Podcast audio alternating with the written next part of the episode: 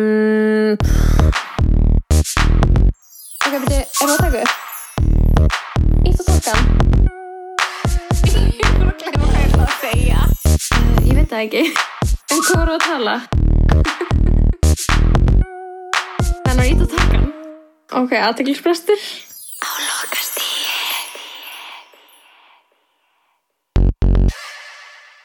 Woo! Já, Alright komið sæl og blessuð kæru hlustendur. Við erum velkomin í enn annan þátt af aðtilsfyrsta lokastígi Langar þig að segja nú maður hvað þessi þáttur er Lóa? Ég ætla ekki einu sinni að reyna. Að minna um hvað hann er en ég veit að uh, þessi, ve það, þessi vekkferð er vekkferð Þetta er vegferð. Og, og, já, og við erum komnar í dag og við erum öll saman á henni. Við erum, við erum saman á vekkferðinni sko. og við erum hérna í, í stúdíónu rosa flottar á því á þessum fallega sunnudegi sem við erum að taka upp og uh, já, ég er á degi tvö og því að taka ekki lifi mín þannig að ég held að nokkurn veginn allt geti gerst. Allt getur gæst og aðtilsfyrsturinn er á lokastígi Sannarlega. Svo sannlega Vá, indislegt Ertu, já, bara glemdir Æ, ég er bara eitthvað svona að sleppa, skilur Ég er bara að sleppa takinu. Sleppa tökunum í desember. Vá, það er svo mikið að sleppa tökunum í desember sko. Það er það Ég er sem í tens bara svona frá fyrsta desember. Fattur þú hvað, ég menna? Ég er bara kvíðin að kikka inn að Já, ég er bara ég er bara high alert. Ég er svona, fyrir að sofa klokkan svona þrjú og vakna svona sjö á hverju degi og því ég er eitthvað svona að Ertu að þrýfa fara- Hold on, ertu að fara að sofa klukkan þrjú og vakna sjö?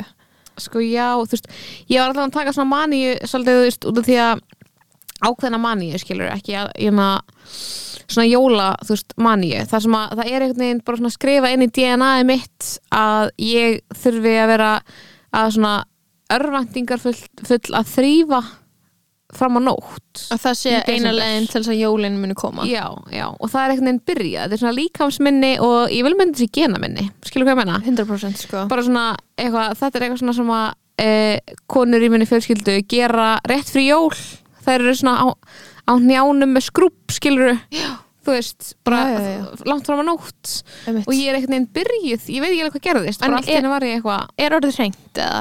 Hvað ertu á þessari vekkferð? það er náttúrulega aldrei seint út af því að ég á nýjum mánan gamalt bat sko. þannig að þetta er geðveiki sko. Sko, ég er eins nema með smákukur Ég er bara eitthvað, það er jól þannig ég á að baka Þannig að sko, ímynda er Picture this Ég á engi börn Ég bý, ég er meðlenda sem er bróður minn og hann borðar ekki kökur. Ég baka ógeðslega mikið. Fram á nótt, mind you. Ég er ekki að fara að borða þær Ekki Nei. svona mikið. Mm. Og þannig að ég sitt uppi núna með fullan ískap og smákukum Bara til að það er desember og þá á ég að vera að gera smákukur Bara Já. fyrir hvað fyrir hvern, af hverju þú veist, hvað er einhvern veginn ég, það er eitthvað sem gerist þegar sem kikkar inn sem er óslega skrítið sko. það er eitthvað weird sem gerist. Ég er sko að reyna bara að njóta mín og ég, hérna, ég er hérna með smá svona heilræði. Uh, þú, þú veist ég á eftir að kaupa alla jólagjafir. Ég líka. En ég er búin að ég er búin að kaupa alla jólagjafirna fyrir mig út af því Salka að þarna þegar flugvélinar rapa þá er að setja súrnuskrímuna fyrst á þig er áður en þú getur sett á, á barnið. Mhm. þannig að ég er búin að setja súrnuskrímin á mig sem er að, pa- að taka þátt í að þú veist kaupa eitthvað nema fyrir sjálfa mig skilur, satisfæða eitthvað innri með mér áður en ég get farið að hugsa hvað eitthvað annar vill. Út af því ég veit að það mun skilur að ég mun bara vera í eitthvað svona doða inn í búðunum að reyna að sjá, byrju, er þetta kannski eitthvað sem mig langar í? Nú er ég bara búin að kaupa sem mig langar í og nú get ég farið skilur í, að næsta lið og, og, og fundi skilur gjöf fyrir vinni mína og ættingja og eitthvað það er óslega góð strategið sko. Að það ekki, að að já, ég er ekki búin að kaupa ekki að jólagjöf fyrir dóttur minni, ég held ég ætli ég gefa henni jólagjöf er það sækó, ég var að hugsa í dag er sækó, ég ætla ekki að gefa dóttur minni jólagjöf að þunni nýja mánu Oh, ég veit það ekki. Að að það þú, það? sorry, en ég held Ó. að þú munir brotna niður og þorlagsmessu já, var það svo satt. Þú munt vera eitthvað svona í, Hvað er ég að spá?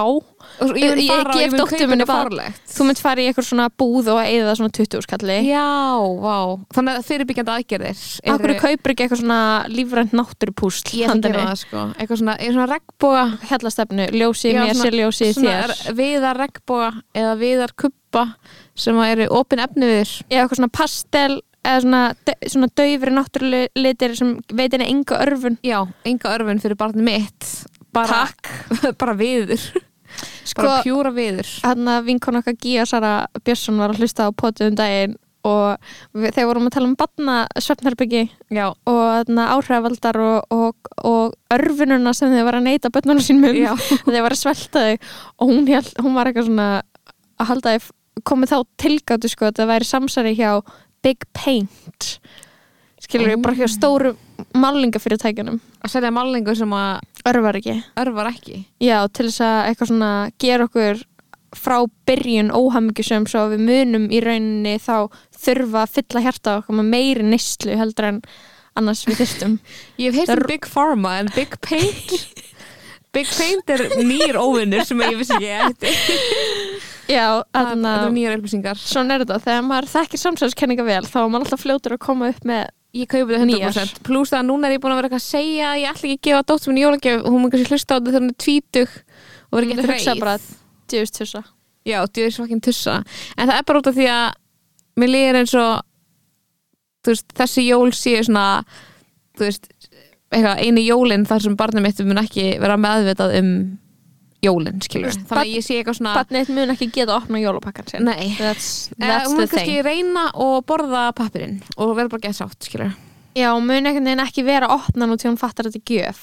Já, en þetta er svona mjög rétt hjá þér en ég ætla að kaupa eitthvað ég ætla að kaupa eitthvað líf, ég ætla að kaupa lífrænasta shiti sko, ég ætla að kaupa bara eitthvað svona Mhm. lífrænasta leikfang sem er til í sambúðinni, skilur hvað ég menna Mhm. bara það, það er væpið. Er sambúðin eitthvað þeng? sambúðin er eitthvað svona umhverfisvæn búð. Ok, þú veist þannig að allt er umhverfisvænt og fjölnota og allt þetta dót sko. Það er, það er væpið sko. Ég er living fyrir það sko. En ok, þú veist, ég ég einhvern veginn uh, þú veist, er bara eitthvað svona ég er svo lost í aðhenglisprestinu ég er mest lost í aðhenglisprest í desember. Myndur ekki segja að desember væri mest aðhenglisprest mánuðurinn hvað, 100% sko. að því það er bara eitthvað að þú veist það er allt í gangi og þú getur ekki að muna neitt og þú þarft einhvern veginn að muna hverja þú þekkir og hverja þetta ekki vendum til þess að annarkvæmst eða tíma með þeim eða kaupa eitthvað fyrir þá. Og síðan þarftu að þú veist þau eru ókslega mikið að ívendum og allir er einhvern veginn að ívenda. En, En sko samt, ekki það, það sem er sko. rosa gott er að það er COVID. Er ekki annars minna? Mest annars minna? Ég veit ekki, það er meira úti og svona dót. Sko, já, sko Pælingi mín er að uh, af hverju er búið að búið til einhvern mánu þar sem þú átt að njóta en allar aðstæður eru þannig að sem gera það ómögulegt að njóta? Að því við eðilegjum allt. Já, ég er bara að reyna að njóta skilur ef það gerist, ef það gerist að það er eitthvað sem mér þykir ventur sem fær ekki gef frá mér þá ætlum ég bara að vera eitthvað, herru þú veist alltaf að ég er hamingjusum þannig að það er stærsta gefin frá mér til þín er að ég er hólsum og ekki á bara með tögafalls já Right? það er ógslag góða punktur, ég er mjög feim með það sko. Já, en mér er svona ömurlegt þegar fólk er eitthvað ok, nú er þú veist eitthvað svona í minni fjölskyldu eitthvað svona pælinga að bara börn yfir átjónara að fá ekki gjafir. Það er að segja allir í fjölskyldun sem eru yfir átjónara Hate that. hate that. Svo, það er ekki meira að kenna ég þessi 27 ára, gef mig gjöf. Ég veit það, ok, og líka það, ok pælinga með þetta, þetta er þú veist 50 frendi minn sem er mjög raugrættir hugsun sem að leggur þetta til, skilur bara hægt að gefa, þú veist, svona mikið af gjöfum og svo mikið neysla, ég skil alveg neyslu við mig skilur, en af hverju langar fólk til að gera allt sem að gerist þú fullorðin leðilega, skilur hvað ég menna bara svona af hverju ertu deliberately Þetta er svo satt salka. að reyna að gera fullorðisárin verri og börn fá alltof mikið. Fá alltaf Börn mikið? fá alltaf silfurfati. Ski- ski- skiptið þessu á milli. Hvað með bara helmingur af fjölskyldu gefið fullorðum helmingurinn gefið börnum? Ég skil Ah, alveg neyslu pælinguna svo satt. en það eru börnin sem eru, fara, eru neyslu svínin og það er ég sem þarf gjafinnar ég þarf ég gjafinnar þarf líka gjafinnar ég ekki ég er eina óhamngisamari núna heldur en fyrir tíu árum. Og þú veist að neita mér um gjafir núna ok. Þú veist örgulega óhamingi sem að því að þú fekkst svo mikið fyrir tíu árum og núna fær ekki neitt. Þannig þetta er alltaf stórt högg. Það er alltaf stórt högg að þú veist átjánara eða þetta hefur líka verið til svona að fermingaraldur þá færði ekki jafn mikið að gjöf ég maður eftir þessu höggi. Ég þurfti ekki á þessu höggi að halda þegar ég var svona 15 ára. Salka, ég þurfti ekki á þessu halda sko. Ég ætla ekki að gefa neinum ungum í fjölskyldum minni gjöf. Lillarvenga mín, hún vogaði sér að senda mér óskalistan sinna á Pinterest. Ég var eitthvað, bitch þú átt meiri pening en ég. Þú ert 15 ára og þú átt meiri pening en ég. Ekki byrja mig um gjafir. Ekki spyrja hvað stóra frænka getur gert fyrir þig. Legð þú inn á mig. Já, þú þarft ekki að gera neitt við hennan pening. Geð, en hún er samt queen sko, um ég, Nei, mikið, skilur, ég er bara að segja að þú veist, ég er alveg til í hendi með kerti. Hendi mig ilmkert úr híalín Kerti, þetta er ekki flókið. Þetta er ekki flókið. Eitt ilmkert úr híalín og verum góð að það skilurðu, ógæslega lítið til að gleðja fullalna mannesku skilur hvað ég menna, bara svona þarf meira til að gleðja það. babb. But- bróð, bróður minn, margnefndur er nýjára og Ok, hann er um bara leif. aðspurður aðspurður hvað hann vill í jólagjöf hann er bara Playstation 5 bara bitch, veistu hvað það kostar? Ég aðspurð hvað ég vil fá í jólagjöf einhverja litla ljóðabók eða kerti ljóðbók sem ég er ekki fara að lesa. Og spil. Ljóðbók sem ég mun aldrei lesa en looks good lætur mig líta menningarlega út í bóðum sem er aldrei haldinn og, og bett sko, málum með bett skilur okay, bróðið þér, hann er með þessa 80 krónu Playstation 12 já, í hérna áskulastan sínum. Já hann sko var með að famously þegar að hérna, fóreldran skildu þá senda hann skilaboð á pappa minn hvort hann og, og reynda gildri bandilega hann mætti að fá Playstation. Út í hann svo leiður eftir skilnaðin hann gerði það í alvegni þetta er sko, þetta er, þetta er ofinber þetta er ofinber files. Já, að hann, hann sagði eitthvað er svo leiðilegt að þú veist, þið búið ekki að sama heimili lengur. Og pappi eitthvað svona, já, svona er þetta kallið minn. Bara, já, það er leið, auðvitað. Og hann bara, maður fá Playstation sendi SMS oh, það er svo fucking king fyndið. Senda SMS maður fá Playstation. Oh my god, það er gott að kunna gildstripa B-L-E-I-S Blaze D-E-I-C-H-E-N hann er bara eitthvað svona var svo skapandi með þetta orð. Hann fór, að, hann fór í þetta orð og hann bara svona hann var alveg sama um veginn hvernig hlutir eru skrifaðir og var bara svona creatively að finna út því sjálfur með. Playstation. Ok, sko, börn líka þú, þarft, þú myndir þurfa eina góða gjöf til að gera það hefningisama Já, þú ert að treysta á hana frá makanaðinum já, makin er með þér alla daga, hann er óg, þú veist maki er líka gaur eða típa manneskja, getur verið kona. Það getur jafnvel þú getur jafnvel átt maka sem er kona. Já, það er í stöðinni og það er það er sko manneskja sem með er allan sólurringin og er í rauninni að spá svolítið hvað þú vilt að hverjum, hvað þú ætlar að fá þér í kvöldmatt án síðan bara finna einhvern auka klukkutími sólurringin til að vera að spá hvað vilt í jólagjöf líka ég veit það þess vegna vil ég að við færum aðeins, við færum fókusin yfir áskilur aðra aðstandandir í lífi Já. út af því að þú, sko, ef að makiðin gefur ekki góða gjöf, þá fekst þengu góða gjöf punktur, það er þannig, það er Mhm. aðal gjöfin skilur Satt. gefa hún smá break Mhm. og bara, þú veist, einhver, einhver sigga frænka hún gefur episku skilur það var í gæðvig hún er bara eitthvað svona tekur til hliða 50 skall í gafur fyrir þig og kælta kannski. Mér er líka pyrrandi, ok ein en bönnin er að fara að fara fullt að gjöfum. Já, mitt er að rókst mikið að gjöf en það sem er náttúrulega jákvæmt við það er að ég mun opna gjáðunar þú veist þannig að ég mun einhvern veginn líka fá þú mátt ekki geta passað í neitt af því sem hún er að fara að fá. Ég mun svo kannski fá eitthvað út úr því að opna gjáðunar skilur, Mhm. mögulega. Vegna þess að Lord knows bara þökk sé fjölskyldumælum mínum sem tóku sér saman um að eðilega líf mitt skilur Mm. að þá muni ég ekki fá hennar gjafir frá einhverjum eldri fjölskyldumælumum og líka bara hvað segir það um þú veist þegar ég var yngri þá fekk ég alltaf bækur í jólagjöf út af því að fólk var eitthvað svona saltaleg bækur. Og það, Já, er, já. það er eitthvað svona sem við viljum styðja við. Við viljum styðja við að hún Litla eh, bókaormin okkar og hún lesi sér til gags. Og núna fæ ég yngar jólagjafir og þar leðandi enga nýjar bækur. Er fólk bara búið að gefast upp á þú veist, bókaorminum litla, skilur akkur, akkur er það að gefast upp á fólki þegar það er orðið þú veist, koma að ferminga og fara engan stuðning lengur. Ég fæ enga stuðning lengur.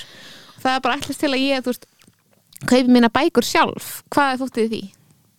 fucking saka Þetta er ömulegt, í alvegni ég er ógeislega, við þurfum einhvern veginn að það er veitundavakningu um þetta færri gæði fyrir börn, fleiri fyrir fullama ekki það að ég sé að fara að lesa bækuna sem þið gefið mér en uh, takk fyrir að eigða 5.000 kalli í bók.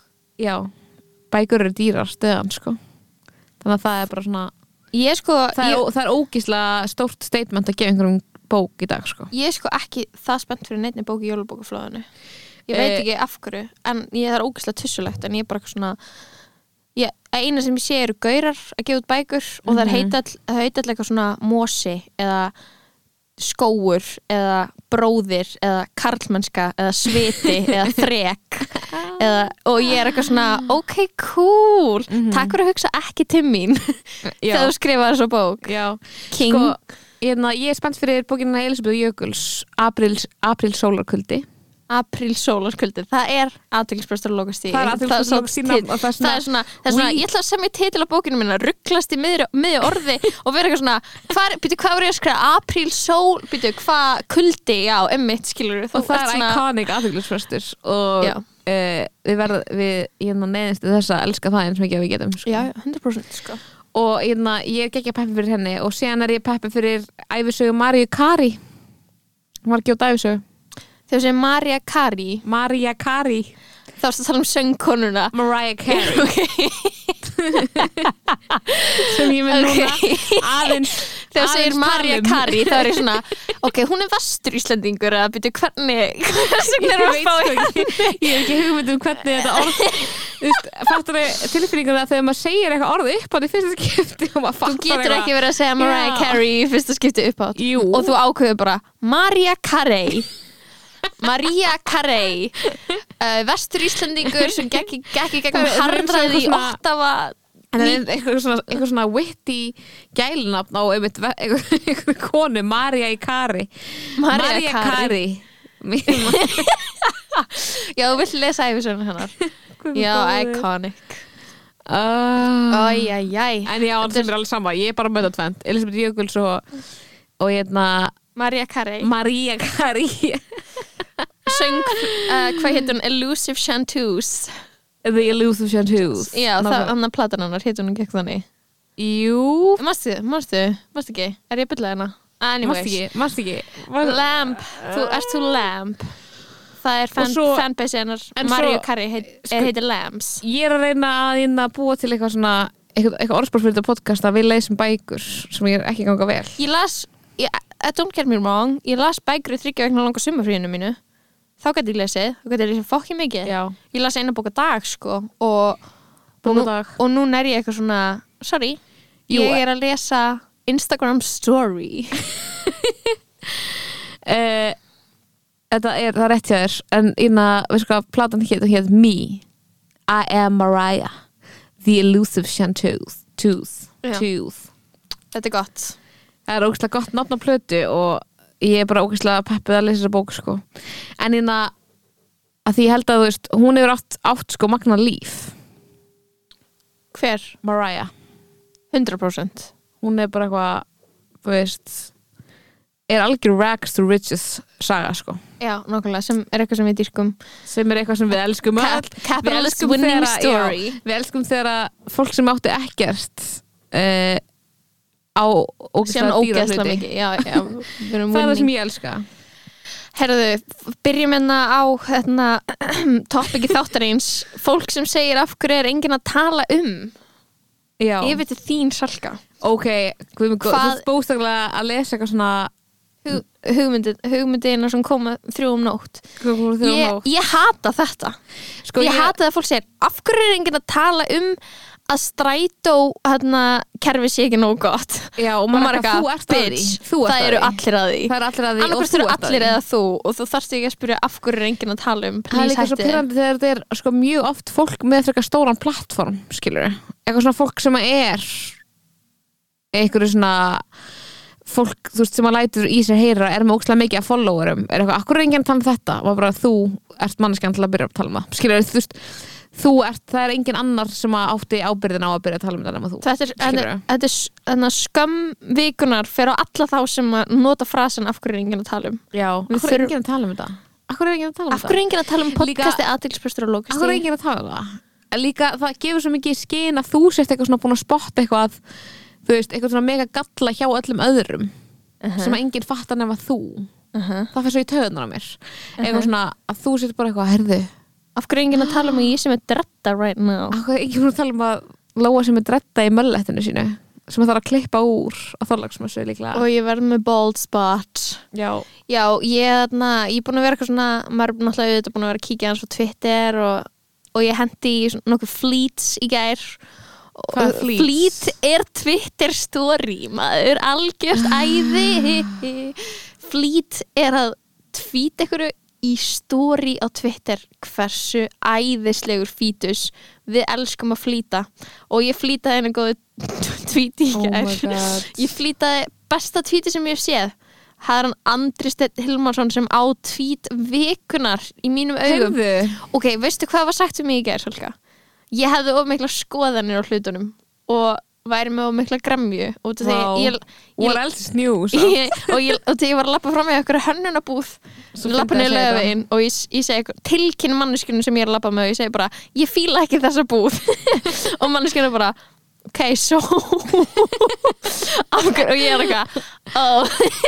ekki svona, ég þarf kannski ekki að segja allt sem ég fíla ekki en ég er með Ég er podcast. ósámála ég er með podcast. Þú og ert ég, með ég podcast? var bara eitthvað it's literally my job. Að hafa Þitt starf er að hafa skoðanur á að hafa hlutum. skoðanir sem að enginn bað um nema allir sem hlusta á potið. Ok, já, tvítveikunar í fallu desembervikunni sem var að líða. Mhm.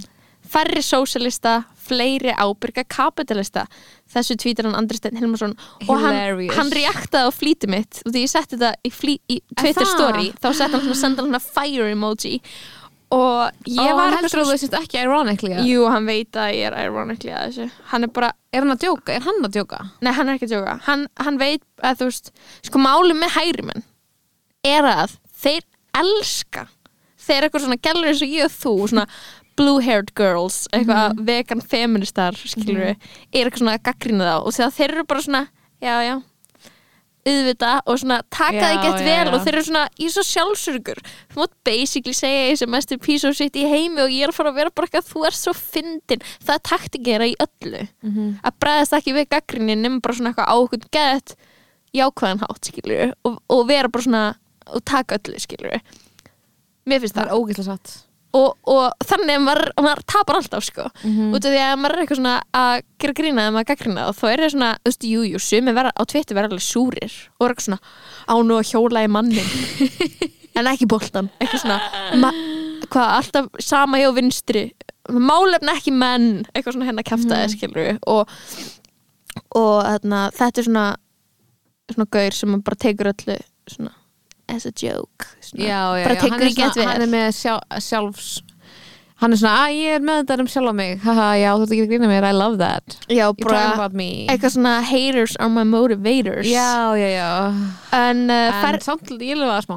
Uh, og þetta hen- þetta endaði í 50 hérna 50 uh, uh, uh, likes og, og Hvað mein Hvað meinar það svo- ábyrga kapitalista? mér finnst það að fyndi færri sósélista, fleiri ábyrga Það kapitalista er svo fyndið, þú veist, heldur hann að einhver kapitalisti sé ekki með þá sjálfsmynd að hann sé ábyrga kapitalisti skilur hvað ég menna? já, þú veist, nei, nei, nei, nei sko hann, hann einmitt sko, og því að kapitalistar eru svona eins og svona einhverju litli svona litli svona, litli svona skrimsli sem eru bara, aaa, skemma allt. Gremlins. Já, svona gremlin, svona eitthvað, skemma allt aaa, ég er svo klikkaður. Já, eitthvað, ég vinn í banka, ég ætla að fóka allir upp í dag. Ef aðeins eitthvað þú veist, já, ég myndi þessu kapitalistar sé bara eitthvað svona, einhver myndi segja við það bara verður ábyrgur. Og þeir eru bara já Eða, þú veist, ok, má, máli er sko þetta er náttúrulega, við erum famously anti-capitalist pod sko. Mhm. en uh, við búum jú í kerfi og við búum í samfélagi, we live in a society skilur Mhm. we live in a society þannig að maður er svona, tekur þátt í þessu og ég er með iPhone-u minn skilur og, og ég er kannski bara ábyrgu kapitalisti skilur veist hvað við, Mhm. why not? En það er kannski, þú veist mér finnst þetta statement. heimsmynd. Mér finnst þetta verri heimsmynd, skilur, sem hann er að presenta ábyrgir mér finnst heimur þar sem allir eru ábyrgi kapitalistar sem í verri heimur en þar sem allir eru sosialistar 100% þannig að that's what it comes down to Andri ég, erum við eitthvað að taka hann á lífi nei, vá, Í potinu. sorry. ég var ekki eins og að pæla hver það væri Veist, það var svo að fyndi þegar við komumst að því áðan að einhver væri að hlusta sem við vorum alveg vissum að væri ekki markhópurinn okkar Mhm. og við erum eitthvað svona að fara að hugsa um að podcast sem við gefum út á svona 14 podcast veitum og, og blöstum í stóri gæti actually náð til fólk sem er ekki fjórar gælur úr vesturbænum. Mér finnst það svo fyndi að það hafi verið svo hugsun að það verið að koma upp bara eitthvað. Ég 100% með bara, bara svona að, eins og það að gefa út hljóðfæl á ofnbyrjum vettfangi að einhvern, einhvern hátt eitthvað safe space þar sem við kynnum bara gasprað öllum eins ekki minnum á þetta. Sorry, eins ég og, og Svalandi Greta hérna uh, vinkon okkar, Begja og ljósmyndari og, og hún fyrir um útastjóri fyrir um útastjóri var að, veist, það, hún var tilkynna ólétt um, um daginn á Mhm. Instagram. Og, þarna, og ég var ekki að segja við hana bara eitthvað vá, eitthvað, þetta er svo skemmtilegt eitthvað, núna, þú veist, eitthvað hvað, hvað á maður að gera? Og ég, og ég tala um þetta in the pod, eitthvað svona eitthvað svona, þegar maður fær tilfinningunum bara eitthvað, vi, vitið ekki allir? Eitthvað svona, á ég tilkynna þetta í podcastinu? Eitthvað svona, það var jókið mitt, að ég tvíta oh my god. En þegar maður allir, er að hitta svo fáa.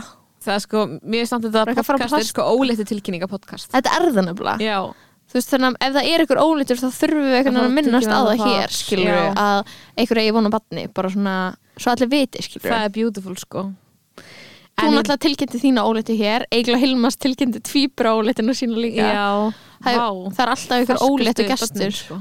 oh. alltaf ykkur ólétti gestur. Allir gestur sem við höfum fengið hafa verið þegar þú, think about it það er satt sko. Nefnum þessi tveir gaurar sem við fengum. Þrýr gaurar. Og Óli, Pálmi og Huligur er ekki búin að vera í að vonunum bönnum en pæling svona aðeins til að fara inn í þetta ólítudæmi er Mm. að þú veist, núna átt þú nýjum manna gamalt bann, þegar þú sér eitthvað posta ólítumynd, ert þú smá svona eitthvað I wish that was me.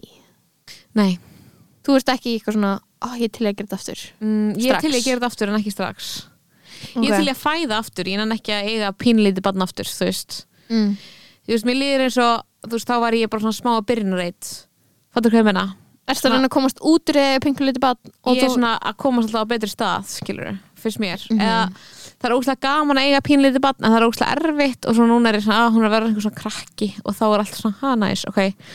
Þú veist, ég var til í aðeins meiri þannig tíma, skilur, fyrst. En- en veist, er- en skilur svo verður hún eitthvað ákveð gömul og, og þá ert þú eitthvað svona gleymir því að þetta hefur erfið tímabil og ferð aftur inn í það, right? þegar þú ákveður að eign- eignast Já, ég, ég held að þess vegna líði alltaf aðeins meiri tími á fólki.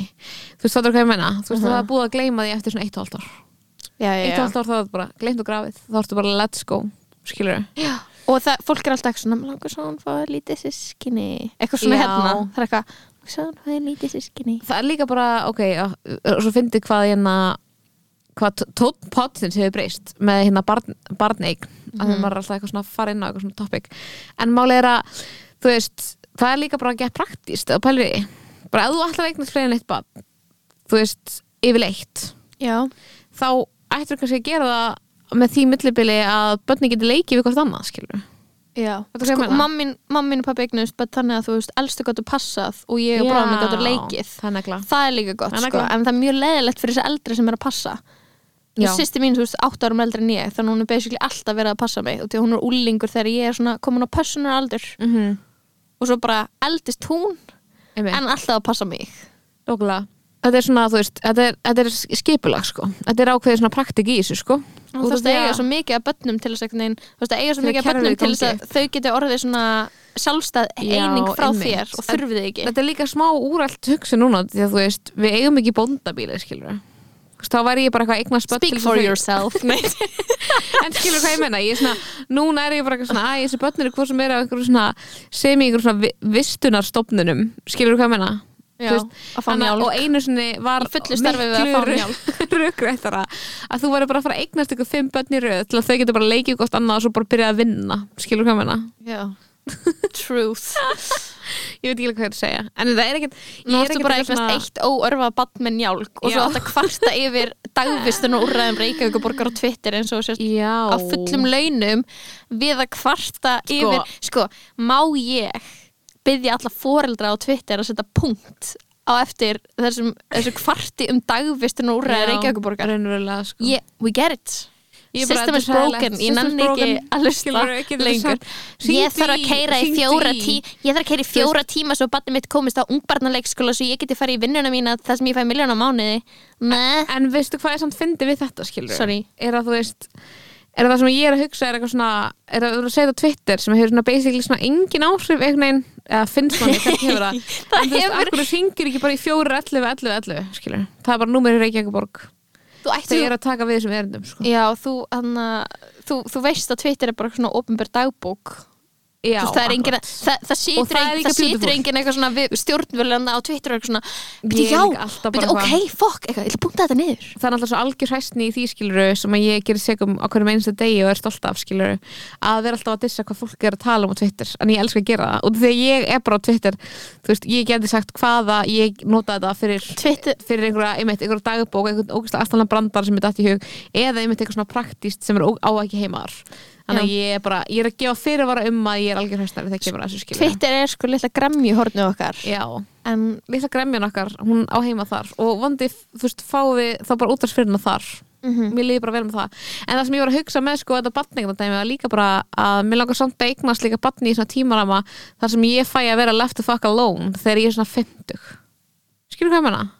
En Ég held svo, að minn blóma tímur frá þá því að það var, þú veist, ég var eitthvað svona pælin daginn eitthvað svona þegar fólk eignast börn og seint og þú veist, það er að breyta fólk heldur að vera eldra þegar eignast börn sem bara geggja, það bara myndi ekki henda mér því að, þú veist, ég veit að mitt blóma skeið er upp á 50 þú veist, ég veit að mér er að fara að liða best á þú veist, þá er ég bara einhvern veginn að fara að reyna að vinna upp eh, eh, þessi æfa ár sem ég, þú veist, tapaði Mhm. Eh, af því að þú veist, þú, þú veist, mingar líftímaðin í rauninni með því að eignast börn og eiga mann og eitthvað 100p, 100p. konur, konur sem að eiga, ég held að þetta ég held þetta að þetta er við uppistandari mínu. gagnkynhneigð sambönd sko. Já, Já, er því ég- gagkynni sambönd? jú, bara í gagkinnum samböndum þá styttist líftími hvenna ef, ef það regnast mann og bönn Já, nákvæmlega, þannig að þú veist ég er, þegar ég verð 50 þá vil ég bara vera búin að eignast þau börn sem ég ætla að eiga. Þú veist, mér, þú veist, ég þarf ekki að eignast fleiri börn skilur, ég er eitthvað að reyna að the planet skilur, en hérna en þá ætla ég bara að vera búin. Þannig ég fá bara að, þú veist, vinna upp innan tíma sem, þú veist þessi líf ár sem ég tapaði með því að vera ógisla hólsum frá 50 Ég sko, ég er að sjá þetta öfugt við þig, held ég og því að ég ætla sko að vera ég er á mínu blómaskeiði núna, I believe já, já. og Ég, ég skal alveg kaupa það sko. og já, ég er á okkur blómaskeiði og, og ég sé fram á sko, þegar þú ert á þínum blómaskeiði þá er ég í kulnun já, þannig að ég, ég, ég veit alveg að ég verið í burnout um 50 Já, á já, já. helsuheili Já. að microdose sveppi ég mun þurfa að microdose sveppi og síru þegar ég er 50 Mhm. en þú veist þannig að ég get ekki verið að bjóða þú veist ég get ekki bóðið barni inn í lífum mitt núna út af því að þú veist ég er ekki til í að slapp, þú veist, hætta á blómaskeiðinu mínu. Já, þannig að ég veit í rauninni ekkert hvenær ég er að fara að eignast börn. Er ég að fara að láta frista ekkin mín og mögulega fá staðgöngumóður og vera móður 70, það gæti verið. Mhm. þá er ég búin í börnátinu sem ég veit að er þarna um 50 svo náttúrulega líka spurning hvort það skilur, ég skil hvað að meina með blómaskeið skilur, en þú veist, ég er alveg svona eitthvað svona, set alveg spurningamarki við að þú veist, það enda eitthvað blómaskeið þú veist, að eignast börn, en málega bara þú veist, fyrir mig er það svona ég sem þrítu manneskja haga mér eins og 50 manneskja, þannig að það hendar mér bara gett vel að eignast börn sem getur verið smá svona afsökun fyrir því að ég sé eins og ég er, skilur hvað ég meina? Bara svona smá svona þú veist, ég, þú veist, nenni ekkert að gera svona mikið hlutum, ég finnst ekkert interesting að vera þrítug, þú finnst ekkert áhugavert. Þú veist, þannig að ég er bara eitthvað svona þú ég alveg eins, þú veist, geta bara svona einbætt mér að því að bara eitthvað alveg ykkur aðra mannesku og bara svona aðeins bara svona sett það einhvern veginn í einhvern forgrunn, af því að ég held að það sé ekki fara að vera eitthvað, inn, ég millir þrítugs og færtugs það er ekki eitthvað áhugavert skeið, skilur ekki, Nei. það getur samt svo margt gerst. Á, Já, það myndi en þú 30 veist- og 40 sér svona árin þar sem hún fær góðu vinnuna. Veist hvað við, þú fær hana eitthvað svona gott jobb og, og svona kynnist kannski einhverju nýju fólki það gerir þetta alveg eins mikið með badd sko. Já, já, 100% En það sem ég veist leðilegt við barnegnir í samfélaginu og hvað eru ungar á Íslandi Já. er bara eitthvað svona að þú veist, ég, mér langar svo að fólk fatti sem er eitthvað svona að eigna spöld, að bara eitthvað svona eitthvað, þú veist, já, ég skil alveg að vilja sleppa jamminu en þarftu að, þú veist, loka þig svona ógeisla mikið af frá vinum, út af því að þú veist mér líður eins og þetta hljóta að vera eitthvað svona result af því að þú veist að hafa gaman í jæmt og áfengi og vera fjölskyldar í jæmt og ekki áfengi Já, já, og bara eitthvað svona, mér langar bara eitthvað svona að fólk fatti að þú veist, við getum, værum kannski sjálfbærri ef, ef við værum eitthvað svona meira að þú veist, Mhm. mingla og minna að fara inn í bara þessa fjölskyldu einingu Já. og við getum eitthvað vera hans opnari og þannig að þú veist, að við skiljum ekki alltaf einhleipa og barnleysa eftir. Og þá eitthvað neginn, þú veist, þá er það eitthvað svona, eitthvað svona við, við hliðar við eitthvað svona the normal family í Já, samfélaginu. en ég, ég held að þetta gangi í báða áttir sko, út af því að ég líka hugsa um þetta, veist, þar sem að hérna, ok, við erum í einhverju svona nútíma samfélagi Mhm. þar sem að, þú veist, allt snýst einhvern veginn um eitthvað svona, þú sett eitthvað svona að fara að meika það og vera alltaf eitthvað svona bestur í öllu og eitthvað svona dót. Mhm. og svo ertu með, þú veist, samfélag sem eru kannski svona meira þú veist, já, ég veit ekki alveg hvað ég veit ekki ekkur ég er að hugsa um eitthvað svona Spán og Portugal eða eitthvað, ég veit ekki ekkur en að, þú veist, að fjölskyldan er meira svona hluta lífinu, skilur algjörlega. Fjölskyldan er meira bara svona hluti af þínu success, þínu lífi þinni svona lífsferðalagi. Á meðan að við búum í meira svona einhverjum einstaklingskultúr, skilur já. þar sem við erum eitthvað svona, ok þú veist, það er bara ég og ég ætla að vera best þú veist, í þessu og ég ætla að vera ógæslega successful og ógæslega mikið pening og svona. Og þá þegar það eitthvað spött, þá finnst þér eitthvað svona eins og þú veist, þá allt í henni lokar þú veist, þá er líka, þú veist fólki sem er einhleift og, þú veist, ballust er líka bara eitthvað, já, ok, þú ert búin að gefast upp, skilur, þannig að ég ætla ekki að vera að heyri þér út af því að, fattar þau, þú veist, ég held að þetta fara alveg svolítið í báða áttir, sko þú veist, um að, þú veist, að fólk svona svona, getur ekki identifæjað það sem þú ert að gera á svo ekkert samælt með því sem það er að gera sem er alltaf ekki alveg rétt, fattar hvað ég menna þannig að það veginn verður svo gett stórt bil á milli þegar að í öðrum löndum er það eignast fjölskyldu eða ekki er ofta alveg svona eðlilegra eða skilur hvað ég menna það, þú veist þá ertu með einhver fjölskyldu sem samanstendur af að það er fólk með börn og svo er býr amman hjá þér eða eitthvað. Og svo ertu með hérna Uh, einhverja vinkonu mömmuðinnar skilur Og hún er gett oft hjá og hún er okkur. gett oft hjá einhverju mat. Það er svona miklu svona eðlera að joina þess að hópa já, mér langar að það gerist út af því að þú veist, mér finnst geða gaman að hitta barnlösa vinkonum mínar skil, nei, bar, ba, vinkonum mínum með börn. og þú veist, það er ekki eitthvað svona þú veist, ég lít ekki það að þú veist, ég sé ef ég er að reyna að hitta ég er alltaf forsaður til þess að koma út í drikk, skilur nei, nei, nei, nei. og það er ekki eitthvað svona það, en að ég veit ekki, að meira kannski svona hvernig við byrjum að hafa okkur átó í parasamböndum sem er eitthvað svona nú er ég í pari, þá ætlum ég að bjóða að vina parinu mínu í heimsók Mér finnst þetta ógeðslega menning. Mér finnst það speak on it. vinapar. Speak on it, sko, Sko, ok, vinapar pælingin Sko, ég er með samt smá svona óeðlilega móðþróa röskun Förum inn í þessa gagnvart gremju. þessu. Förum inn í þessa gremju Þar sem að, þú veist, ég hef verið bóðin í mat eitthvað svona í paramat með einhverju fólki sem að ég er bara eitthvað við erum ekki vinir, skilur við Ok. við erum ekki Mm, nógu góð vinir til að sérst að bjóða mér nema að því að ég er í pari og það sem ég finnst gerast í þessu er að þú veist, ég veit að þetta er að koma góðum stað, skilur Mm. og ég á auðvitað vini sem eru par og mér finnst skemmtileg en það verður svona mótróið til í mér út af því að mér finnst svona væntingan að vera þegar þú ert í eitthvað svona par og par, eitthvað svona dæmi að ég sé að bonda gett við hina stelpuna uh, og kærasti minn sé gett að bonda við hinn strákin já. sem er bara svona alls ekkert gefið skilur, Mm. út af því að Mm. þú veist, það getur kannski alveg eins verið að þú sért bara eitthvað að tengja við þau bæði ókslega mikið eða, eða fattur hvað ég meina? Að, þú veist, það, skrí, það verður svona skrítin orka þar sem er líka svona, sko. Og ég er með annan punkt, sorry gagkinni menning er svo toxic, skilur Já. straight hetero cu- culture. Já, heteronormativity. Þar sem að, hérna það er líka alltaf svolítið svona ætlast til þess að þú sért með gremju í- út í kærastæðin. Mm, mm þannig að þú og stelpan getur svona bonda yfir svona skotum á kærasta annars þeirra eða svona hetero hlutum sko, ég reyna að útskýra þetta þannig að ég sé ekki algjörtussa Mm. Er og- að reyna en má ég segja já, er að þú veist þarna sko, hvað er þetta? Er þetta ótti við að við tökum makan okkur í samhengi þar sem er single fólk að við missum hann? Eða er þetta ef við Mhm. ferum tvö pör saman þá erum við safe í okkar monogamy, skilur Mhm. út af því að fólk í pari nýtur sína ekkert alltaf best sem einstaklingar með makan sinn við hliðina þér Nei. út af því að maki er nefn bara eitthvað lífspartneri en skilur Mhm. og, og, og þú veist hvað þið langar bara að fara og roleplaya eitthvað annað, eitthvað kvöld skilur hvað þið langar bara að fara út og vera bara svona ég bara ég, ekki partur af sameindinni sem ég er inni í þessu sambandi. En við erum alltaf svona að kæfa það og ég bara svona þetta hlýtur að minga hamingju skilur, það bara hlýtur að vera. Ef þú, þú umgengst alltaf bara önnu pör og svo allir eitthvað að hleypa einhleipu manneskjun inn í það en allir eru bara eitthvað inn í pörunum sínum. Já, það ok, sem það er sorry, svo pyrrandi það sem líka fyrir svo í töðanar á mér við þetta er einmitt að þegar þú insertar einhver einhleipa manneskinn í þessu aðstæður Já. þá er hún alltaf eins og sé eitthvað svona odd one out. Og þetta fekk gett í töðanar á mér því ég er að tala sem manneskinn sem er búin að vera í sambandi í hvað, þú veist, fimm ár. Fjögur, fimm ár. Og þú veist, og ég meina, það að ég hef veist, þannig að ég er búin að vera mannskjan í parinu úrslega lengi, skilur við en það fyrir úrslega í töðunar á mér þegar að þú veist, þú veist með einhvern veginn svona aðra mannskju og það er eitthvað svona, að já, ok, núna er hún eitthvað svona fymta hjóli og það er eitthvað heter og bond í gangi á milli hérna þess að Ugh. tveggja. Það sem er eitthvað svona, þú veist, byggist á því að ég er verið eitthvað, já, vá, og þú veist, málið er að ég ger, gerist segum alla þessa hluti bara svona þannig að ég sé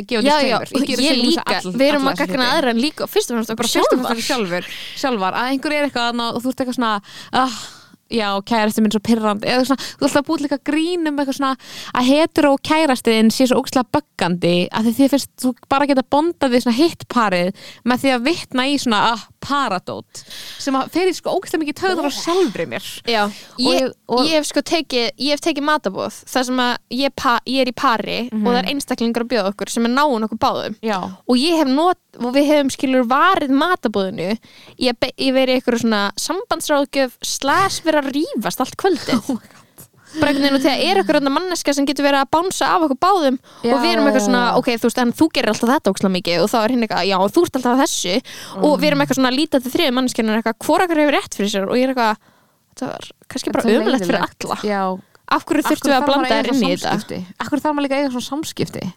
Þú veist það sem ég held að hugsa svona alltaf að bera saman það sem ég er að hugsa um vinasamband versus ástarsamband skilur Mhm. og svona af hverju þarf þetta alltaf að vera þú veist af hverju þú veist er maður svona miklu markaleysari við ástarsamböndin sín en vinasamband þú veist mér finnst ég hafa miklu skýrari sínstundum á vinasamböndin mín þú veist já, já. það sem ég er bara búin að fatta þetta er í lagi og þetta er ekki já. og líka bara, þú veist, ég var að hugsa um daginn bara svona eins og með bestu vinni mína Mhm. og það oft talað um þetta við bestu vinkonu mínar skilur Mhm. það sem ég er bara svona, vá, þú veist ég er bara búin að átta mig á hvaða hlutir sem að besta vinkonu mín gerir Mhm. geta farið í töðunar á mér og sætta mig við það og vera bara, ok, þegar það gerist það þá ætla ég ekki að, fattar þau, þú veist, þá er ég bara eitthvað Ætla ekki að stíga inn í ég ætla þetta. ekki að stíga inn í það að vera eitthvað pyrrur sér út því ég veit að besta vinkonu mín er líka að láta fram þessi fara hlutinu sem ég gerir sem eru pyrrandi og þannig bara, æ, þú veist, salkar alltaf verið svona og þú veist, það er bara, þú, þú tekur bara einhver ákverðunum og þú sér tilbúin til þess að sætta sig við ykkur að galla og lifa, að sig, njóta ykkur að kosta. En þú ert alltaf tilbúin til að láta kærastæðin fara svo mikið í töðunar ég talking to you hetero women, women ég já held að þetta sé 100%, Þú veist, ég 100%. held að þetta sé eitthvað svona heteronormativity dæmi sko. Að þú veist, Já, þú ert alltaf tilbúin til að láta eitthvað já, þú veist, eitthvað að vera með ógislega mikla gremju yfir einhverju litlu dóti sem að ég hefna kærastin gerir því bara þið finnst að þú eigir að vera þannig. Mhm, mhm. og þetta bara langar að fara, vísa aftur inn í þetta svona, akkur er maður svona markalaus í ástasamböndum? Mhm. út af því að sko, ég veit ekki kannski er það bara því að við, við verðum vitna þessu öll hjá fóreldrum okkar þannig að við byrjum að að gera sömu hegðun Mhm. Mhm. mistök sjálf sem fullarinn en maður hefur svo mikið val. Þú veist, þú hefur þú hefur svo ógeðslega mikið val sem manneskja að ákveða ástasambandi sé ekki að fara að vera svona. Já, og þú veist, og þú getur í rauninni bara svona sagt allt sem þú þurfur að segja á ekki svona toxic hátt. Já. eða þú veist, já og ég veit, nýja ég veit reglur, ekki. sett reglur sem að þú veist, einhverjar, einhverjar reg- reglur fyrir samskipti sem að eru ekki úrslega súrar, en þú veist, þetta er alltaf erfitt að því það er eitthvað svona mikil nándi í gangi en þú veist, ég er bara stundum svo ókslega svona, mér finnst svo plappalegt stundum þú veist, að vera inn í þessu minstri, skilur hvað menna Mhm. og ég er að segja þetta sem bara þú veist, ég elska að vera í sambandinu mínu og það er bara, þú veist inna, þú veist, ég elska að vera þú veist, mér finnst þetta líka, mér finnst þetta verða ennþá skýrara sko, þú veist, þegar þú eignar spatt já, þá er ég eitthvað svona ég er náttúrulega bara með ógæslega mikið mótrók eitthvað svona hlutum, sko, ég er náttúrulega að tala sem sko algjör bómaður, það bara þarf ekki neitt til þess að ég sé bara eitthvað, það er verið að skuldbinda mig inn í einhvern viðbjóð sem ég baði ekki um, skilur mm. þú veist, það er bara svona þarf eiginlega ekki neitt til þess að mér liði þannig, skilur eins og sérst í fangelsi. eins og ég sé í fangelsi, skilur okay. samskiptafangelsi. Nei, Já, það er bara svona ok. fangelsi þess að, að inna, einhver, einhver sem búin að ákveða hvernig ég er og ég, veist, vil ekki vera þannig skilur Mhm, mhm.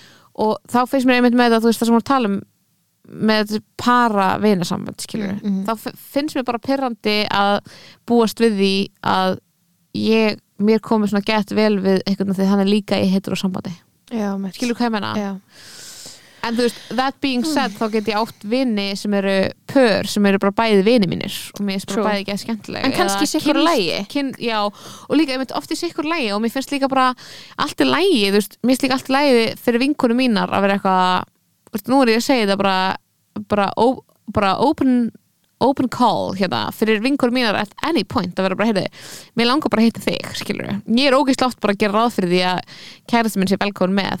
En hann er að- það kannski ekki Já, eða og, þú veist, og síðan, þú veist, finnst mér svo ógeðslega basic að bara vera eitthvað, heyrðu, eigum við ekki bara að hittast og gera þetta? Yfirleitt les maður alltaf milli línana hvernig aðstæðan eru, skilur Já. maður er eitthvað, hei, eigum við að hittast fyrsta daginn og gera, þú veist, ef ég er eitthvað að lofa, við, eigum við að hittast og við ætlum að og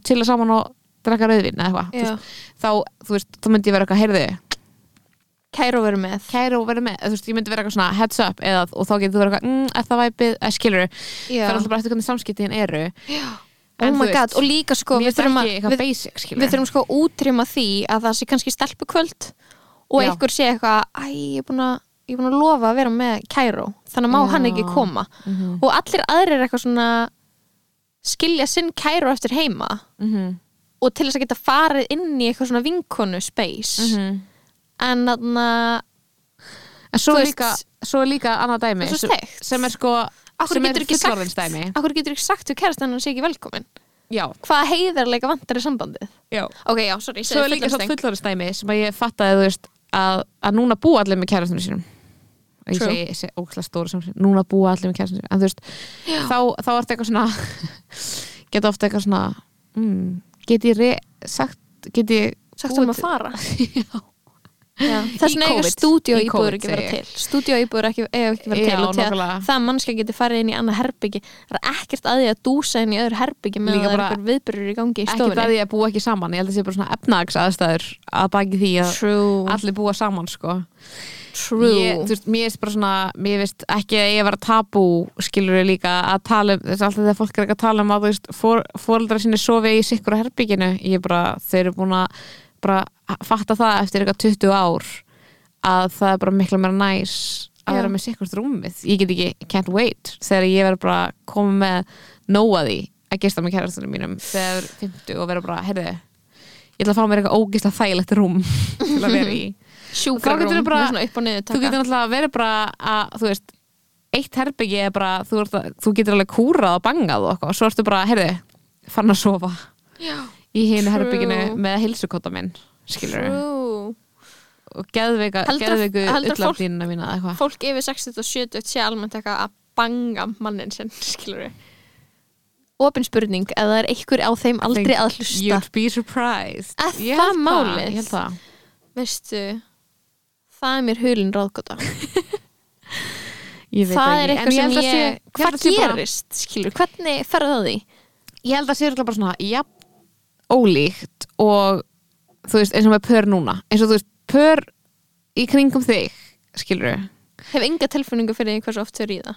Enga, ég hef ógeðslega mikla tilfinningu Ég hef enga tilfinningu fyrir því. hversu mikið pör í kringum ég veit ekki hvort það er einu sinni í viku, einu sinni í mánu eða fjóru sinni í viku. Það er ég myndi ekki nefnilega vita. það, er það misbrandi skilur ég held að þú þurfir bara alltaf að vera með mannsku sem er á sömum blaðsi og þú með þetta skilur ég var eitthvað að tala við einhver vinkur um þetta daginn bara svona, þú ert að vera bara sömum blaðsi skilur því annars er einhver óanæður true bara, þú getur bara verið gett sáttur við þessi einu sinni viku, getur bara gett sáttur við þessi einu sinni mánuði, getur viljað að það sé fjóru sinni viku, en þá þarf það bara vera gett skýrst á milli ykkar þessi bæði til það skilur þannig að ef fólk er sem blæsið, ég myndi að eitthvað par sem er bara svo saman fjóru sinni viku, ég held að það sé það að geta fara að hætta þegar það er eitthvað 50 að bara ennþá fjóru sinni viku um 50 já, eða bara, eða bara, eitthvað svona eitthvað svona blóma tímabil sem verður til kannski, þú veist, á einhverjum tíma.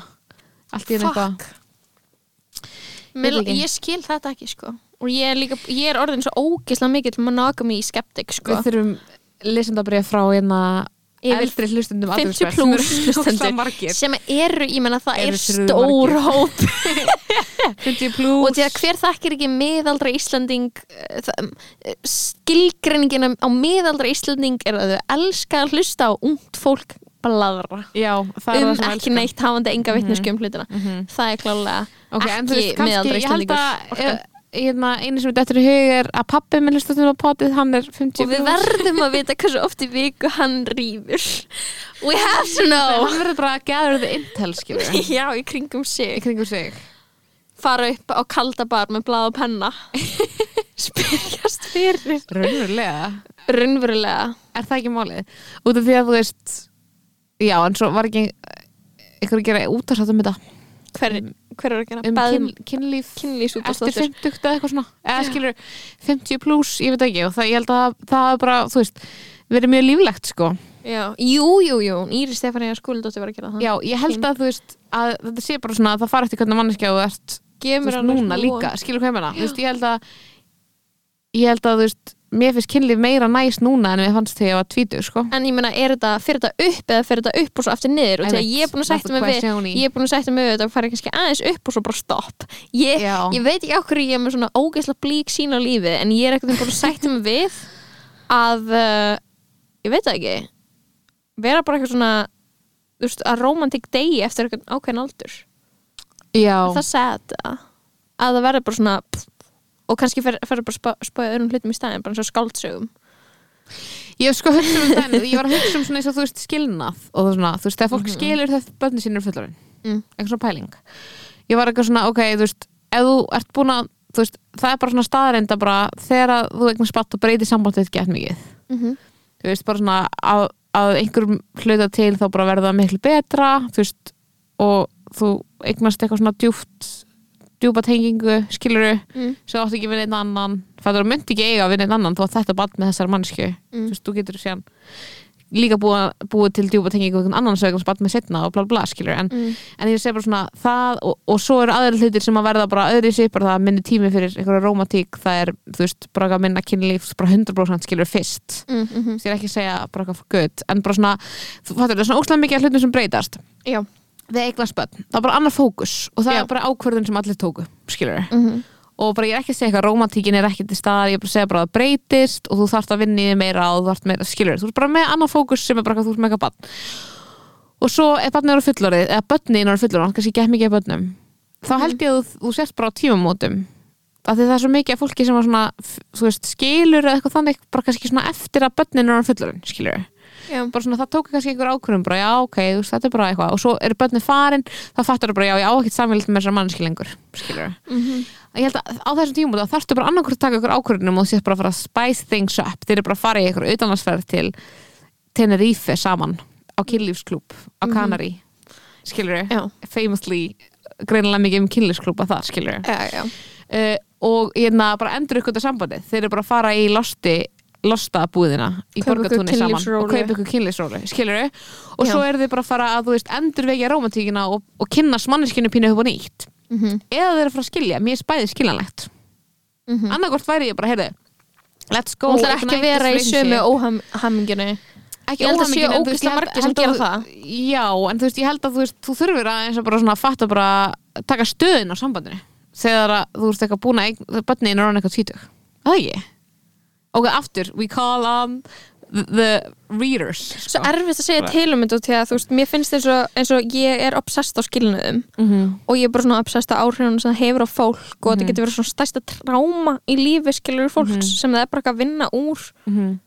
og bara full on ef þú þarft að skilja skildu og börnin munu, þú veist, þau munu finna leið Mhm. til þess að sig við áföll. Áföll er bara partur af lífinu skilur þannig að Mhm. ekki, ekki skilja út af áfallinu sem þú vel, þú veist, sem barni upplifir. Já, það getur En- það upplega verra áfall örugglega ef að já, þetta Já, er bara bad situation Já, og en, en mér finnst svona eins og þetta sé svona eitthvað þess að að setja mig í spór eitthvað á þessum aldri Mhm. að fara frá lífspartner. Ég get það ekki.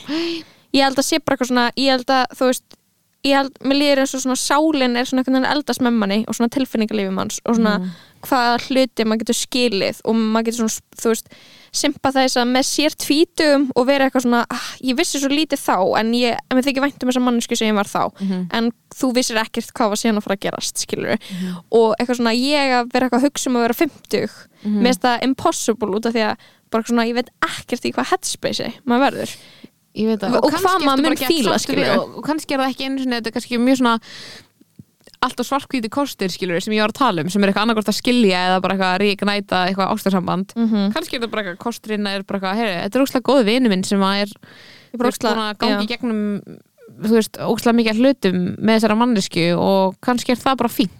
Það er bara eitthvað næs skilur það þarf ekki alltaf að vera alltaf eitthvað. Mér finnst líka bara svona, þú veist, við erum alltaf með veist, að finna sína ástina, skilur finnst mér, sem að er eitthvað svona að það þurfi alltaf alltaf að vera eitthvað þú veist, ógeðslega mikil hiti og allt sé svo mikil ástarsaga og eitthvað svona og þú veist, við erum svolítið að koma frá þú veist, í nútímanum svona, já, veist, í fortíðinni þá veist, voru hlutir alveg jafn mikið upp á praktíkina Mhm. þú veist, ef þú áttu góða tengingu við mannski þá bara great, skilur Mm, en þú ert þarna til þess að bara eitthvað klára ákveðna hluti, skilur að fólk er svona gerir rosa mikla kröfur um allt sé alltaf að hlutinni sé alltaf óksla hot, skilur og það er kannski bara svolítið crazy krafa. Já, kannski er þetta stundum bara næs og þú veist, þau eru vinir og veist, ég er ekki að segja að ég er að hanga með einhverjum þannig manneskju, skilur eða Svo svona tvítug, en ég er að segja að þú ert eitthvað fyndug og þú ert bara eitthvað Það- það- eitthvað, það heyrðu, er þetta, er- þetta er mjög næs manneskju sem ég bý með sem ég þykir gett væntum, ég langar bara að búa með henni forever, skilur true, true, true. Þá er það bara ógæslega legit. Já, vibes. Mhm. Fyndin, Anna, fyndi hvernig þetta var kynlífspodcast. Á tímabili áðan þá var Það þetta algjörst AA podcast Alan One podcast í rauninni. Við erum að tala um samskipt og mörg og eitthvað við erum alltaf að tala samskipt og mörg Ég veit það, ég veit baby. ég veit að, ég veit að en uh, já, sko ég verð, ég verð sko en þáttunum klárst í dag þá verð ég að henda sjáta þetta á gamlan grínþátt sem ég bingeaði um helgina ég, ég fór ekki inn í neitt nýtt content um helgina Mhm. ég er búin að vera svona að kvíla mig á sjónvarpi eftir mikið binge Mhm. á til dæmis Love and Anarchy og Morning Show Mhm. að ég, ég bingeaði gamlan íslenskan grínþátt sem heitir Ríkið Vá hvað er gaman að horfa á íslenskt stöf líka þegar brandarinn virki ekki ég hef heyrstu geða ekki hlutum með þetta sko. og það sem er svo geðveitt skemmtilegt sem ég get svona þú veist, ég dýrka svo fokki mikið Mhm. er að þú veist mér finnst ekkert þetta er svona sketsa þættir mér finnst ekkert hver og eitt skets fyndin endilega Mhm. Og mann er alveg samútt sem ég er líka bara stundum gaman að hlæja því sem svona klúðraðist svona já. og þegar þú veist gríni er eitthvað svona ég glemdi mikið dreifaranum mínum hérna og þau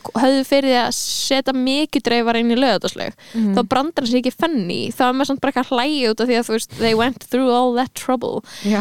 en það sem er sko skemmtilegt er að þetta er sko Silja Hauks og Sigurðan Kjartansson saman Einmitt. og Silja Hauks sem gerði náttúrulega Agnes, Agnes Joy. Og er bara búin að vera að gera geða eitthvað hluti bara for a minute Já. bara, mér langar svo að henda bara svona gríðarlega miklu sjátt þetta hana fyrir að leikstýra ríkinu og þetta eru þættir sem að flugu ekkert hátt Nei, sko þegar þeir kom út og bara svona einhvern veginn voru hit and miss en þú er sko alls ekki eina mannskja sem er satt við mig að ríki séu bara bestu grínþættir í þessu sko. þeir eru orðin örgulega smá svona cult vibes Já, og sko það sem er svo skemmtilegt er, hana, er þetta eru sko leikarar og þetta er algjört svona innvala lið leikara. Mhm.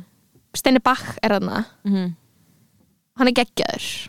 Uh, og Elma Lísa og uh, Vignir Þór nei, Vignir Valþórsson er þarna. Mhm.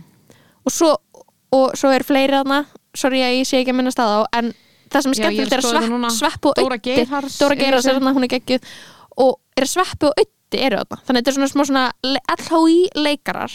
Mhm. LHI búinir að vera á sviðinu leikara pluss sveppi og Ötti með. Og mér finnst það geðveitt gott mix út af því að Silja Hauks hún þarna, þú í alvörunni efast ekki eina sekund um að Ötti og sveppi séu líka mentaði leikarar. Já, og já, veit já. ekki, þú veist, hvort þeir voru búin að leika mikið áður en þeir voru þessu, og hún er búin að vera með 70 myndir og strákana og eitthvað, það hefði alveg screen þarna, það hefði alveg skjárenslu en þeir eru ógæðslega fyndnir.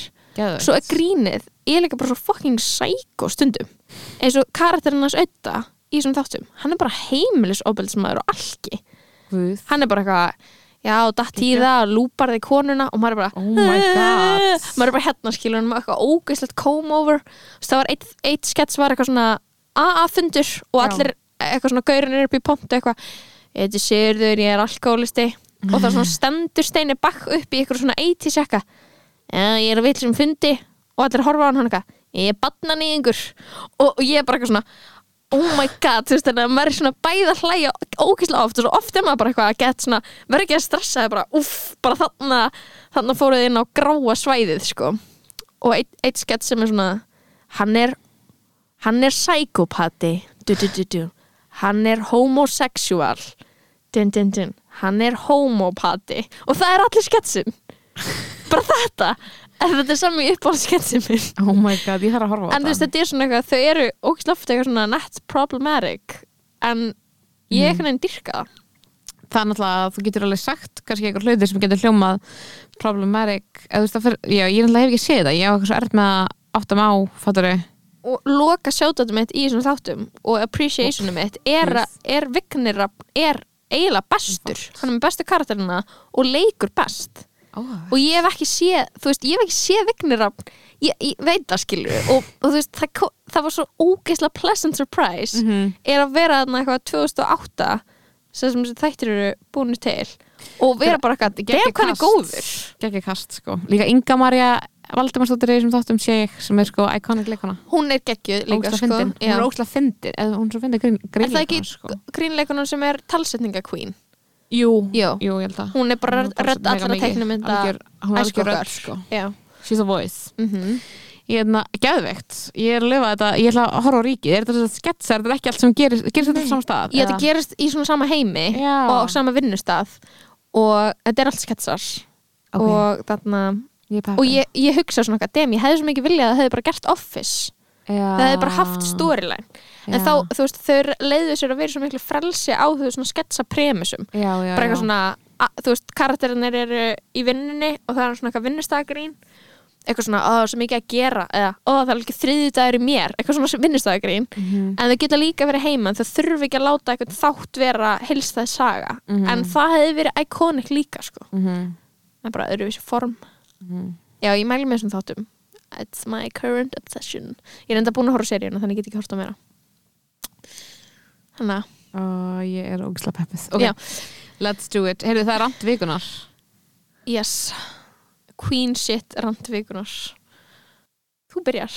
Á ég do it? Ertu stressuð að vera með randið þitt? Um, ég, bara, ég var að hugsa hvernig ég ætla að orða það.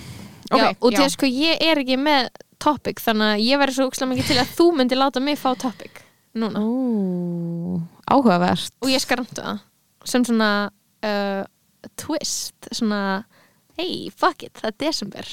Fokkum með þessi hlutunum. Ok eftir til það, en já. ég, anna, ég dyrka randið þitt sko, þú verður eiginlega að Ok, á ranta ég að byrja? Já, já, 100% eins og þessi þáttur hafi ekki verið eitt stórt rand Hann er alltaf eitt stórt rand maður. Herra, þú sagði aldrei bó í þessum þætti Ég, Þú sagði bó svona hundra er að reyna þætti að minka drikki landsmanna svona fyrir jólin Ég er að eðilegi ekki jólin fyrir fólki Hvað meinar áfengir algjör veisla? Áfeng ég er veitla Erstu tilbúin? Ég er tilbúin Ok, go off queen, eitt til að byrja. Ok, af hverju er ég alltaf að heyra nákvæmlega sömu sögu? Um að einhver gauður hafi skrifað skaldsögu og hún sé basically bara um einhverju gellu sem er deytið þegar þau eru basically að mentaskóla aldrei. Þetta Mm. þarf sem ég að hætta. Ég sem ég eitthvað svona, ok, þú mátt í fyrsta lagi skrifa bókum whatever the fuck you want, skilur en ættur að gera það það er alltaf spurning. Basically, það er eitthvað svona ef þú ert að spara að skrifa sögu um hvernig einhver gella breytið í hjartað einhver gella svo hittur kaffibarnum og deyta þér í svona sex mánuði breytið í hjartað, það er ekki það áhugavert. Það er búið að skrifa um bókum það það er búið að skrifa bókina um Þú Bjarta ert minni en sem að Reykjavík. Þú er basically, þú veist, þú getur fundið eitthvað annað og líka bara ekki taka samtöl bara eins og voru orð fyrir orð og setja það inn í bókina eina veistu hvað þýðir að vera það sem er að vera skáld? Að búið skáldsögu er að þú skáldar upp hluti? Þú hugsa hluti sem hafa ekki endilega nákvæmlega gerst og þú skrifar það niður. Annars ertu basically bara að skrifa æfisögu og þú mátt alveg skrifa æfisögu, það er allt í góðu en Segir. ekki taka bara hluti sem hafa gerst orð stopp, orð og skrifa það niður eins og þessi skáldaðir. They're not Oh Ah. my god, oh my god The famous uh, craft að vera skáld A.k.a. skrifa upp raunverulega atbyrði eins og þau gerðist orð fyrir orð það er úrst að fyndum því að máli er máli með þetta er Já. að þetta er ákveðið svona trope fattar hvað ég menna mér finnst þetta að vera smá svona hlutur í menningun okkar sem er alltaf að gerast og er það sem er svona problematist við hann er að þetta er mjög oft svona máli er að eiginlega allir, allir reythöndar nota eitthvað úr eigin lífi sem ég skil bara ekki vel. Ef ég myndi vera að skrifa þátt eða ég myndi vera að skrifa einhverja bók Mhm. auðvitað myndi ég nota aðstæður sem ég þekki skilur auðvitað væri ég eitthvað, já þú veist, ég er ekki að skri- segja allir að skrifa eitthvað Harry Potter, eitthvað, eitthvað imaginary world. En þegar að fólk er bara endur tekið mjög augljóslega að taka svona ekkert það áhugaverða hluti sem hafa gert fyrir það og setja það bara inn í bók. Bara alltaf gera eitthvað þá setjum ég bara spurningamarki við það. Ég er bara að segja, I hugsa do, I do. lestu þetta yfir. Er þetta áhugavert? Þú veist, er skemmtilegt að hérna, lýsa einhverju konu þú veist, sem að þú hefur átt í einhverjum kynnum við sem mjög tvíviðum karakter sem hefur bara þann, það hlutverkjurinni að koma inn í lífið þitt og hafa einhver áhrif á þig á mjög svona grunnanhátt mm. og þú einhvern veginn að lýsa því, þú veist, er það áhugavert skilur, veist, Mm. er það einhvern veginn þú veist, uh, eitthvað progressive writing, skilur Já, einmitt. Ég er bara að segja, þú veist, Það eru það spurningar eru margir vinklar á þessu. Randið er are að ég er alltaf að heyra eitthvað svona ég er alltaf, raunverulega, að heyra eitthvað svona heyrðu, þessi var að skrifa bók og hún er vist bara öll um þetta og það er ógeðslega fyndið. Það er ennþá engin uh, skrifa bók um mig Ég er að vonast til að vera karakter í bók sem kemur út úr þessi jól ok, Ég er að, nice. krossleggja fingur something to look forward to sko. Ef ég er ekki karakter eða ví, vísir hvort sem það er eitthvað svona hugmyndafræðilegur fósturvísir af einhverjum karakter spurningin mín er líka bara ef að engin gaur Mm. hefur skrifað inn í bókja sér ef engin rithöfundur, þú veist hefur skrifað þig sem kartan í bók er lífið, þess, er lífið þess virði að lifa því? Nei, Nei, líklega ekki. 100 p ekki. Ég Ég, hvet hef ekki deyta neina rithöfunda. Ég hef ekki deyta Nei, rithöfunda. Það er þín mistök. Það fucking, er svo fucking stupid af mér já. sko. Oh my god. Þú veist, þannig að það er rauninni bara svona svolítið, ég hef nefnilega ekki heldur gert það sko. Ég hef held aldrei ég aldrei verið með þeng fyrir rithöfundum Nei, ekki heldur sko. Ég hef hérna bara verið með þeng fyrir svona mönnum sem að, þú veist, vinna með höndunum sko, þannig að það, það gerir ekkert mikið, þú veist, þeir eru- hafa verið þú veist, uh, eitt þeirra var hérna þú veist, hérna kæristu minn núna er náttúrulega, þú veist, sviðsmaður, það er eiginlega ekkert mikið í hans vinnu sem að hann getur einhvern veginn Skapa þig. Skapa mig þig. Skilur uh, fyrir hann kæristu minn var hestatamningamæður Mm, það er mhm. eiginlega enn minni möguleiki fyrir einhvern veginn hann til þess að koma mér inn í svona sína yðn sko, svo hafa þeir nú bara verið einhverju helvitis. Svo disappointing að sko. Það er svo disappointing að deyta tónlistamann en tónlistamærin er að gera techno og maður er eitthvað svona, já ég finn ekki eftir mikið að þessi taktar eru mig. Bara engin texti. Þú veist það er allt annað, þú deytar einhver singer-songwriter en þegar þú ert að deyta gaur sem gerir techno þá er maður eitthvað svona já, hvar kem ég til skila í þessu ok, í teitlinum á læginu ég er samt að hugsa núna She's bara ég er samt að hugsa núna bara að það er martröð að deyta listamenn og ég segi þetta sem listamæður sko.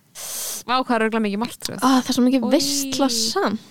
Ápældu hvað er pyrrandi að vera, þú veist Ég held, ég held að ég myndi ekki meika það sko. Ég myndi ekki meika að einhver, vera með einhvern tónlistamanni sem var eitthvað að gera lag og ég myndi alltaf vera eitthvað að reyna að tengja það mig. Eins og, En eins og er- platan at hennar the end of the Bríet day- Já, pældi að vera að deyta Bríet og svo gefur hún út plötu og hún er bara eitthvað við heiminn.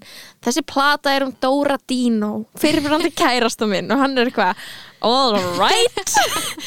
Það er svo fucking savage. Við höfum ekki talað náðu mikið um hvað það er í rauninni abusive. Ok, sko, málið er, sorry, sorry þetta var, já, ég, ég sagði það.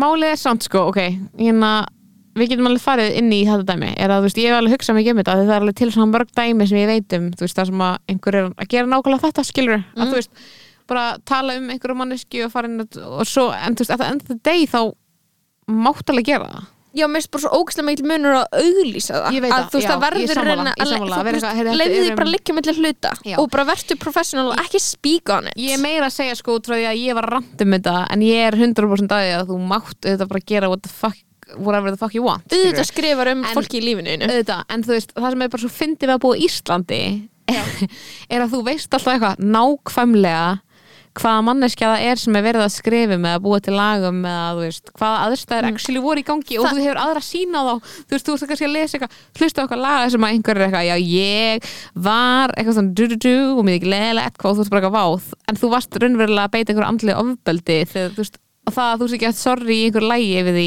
en fattur hvað ég meina? Já, já, það setur alltaf svona jú, auka jú. leigir það er alltaf svona auka leigir að þú veist eitthvað, ég veit of mikið til að njóta þess að hlusta á það. Já, en máli er sko, þetta á ekki við um alla Íslandi. Íslandi lítið, hann er ekki það lítið. Þannig að það, er- þú, veist, þú geti verið með 90% af hlustendum myndi ekki vita um hvernig þessi plata væri Mhm. nema þú ákveðir sjálf, am, sjálfur sjálf að mæti fjölmjöl og segja by the way, ef það. var ekki viss þá er þetta um þessa mannesku og það er weird sko, veit ykkur um nokkrum ekki- slúðrurum að fatta. um, um hvern þessi plata er samt Já. ég hef lesið viðtölin, ég veit ekki ennþá um hvern þessi plata er, en ég held að það megi skrifast á svona mjög lítinn áhuga menn á hérna að finna út í Já, já, já, og það er you care or you don't care já, veist ég Ertu með, uh, með rand vikunar fyrir mig? oh my Salka? god, ok, byrju. En að, sko, hvað með þetta verður bara svona eins og spuna bara improv Ísland kvöld bara svona, ég segi, ok, já, káttu með kviknaði ekki eitthvað út frá því sem ég var að segja samt. Nei,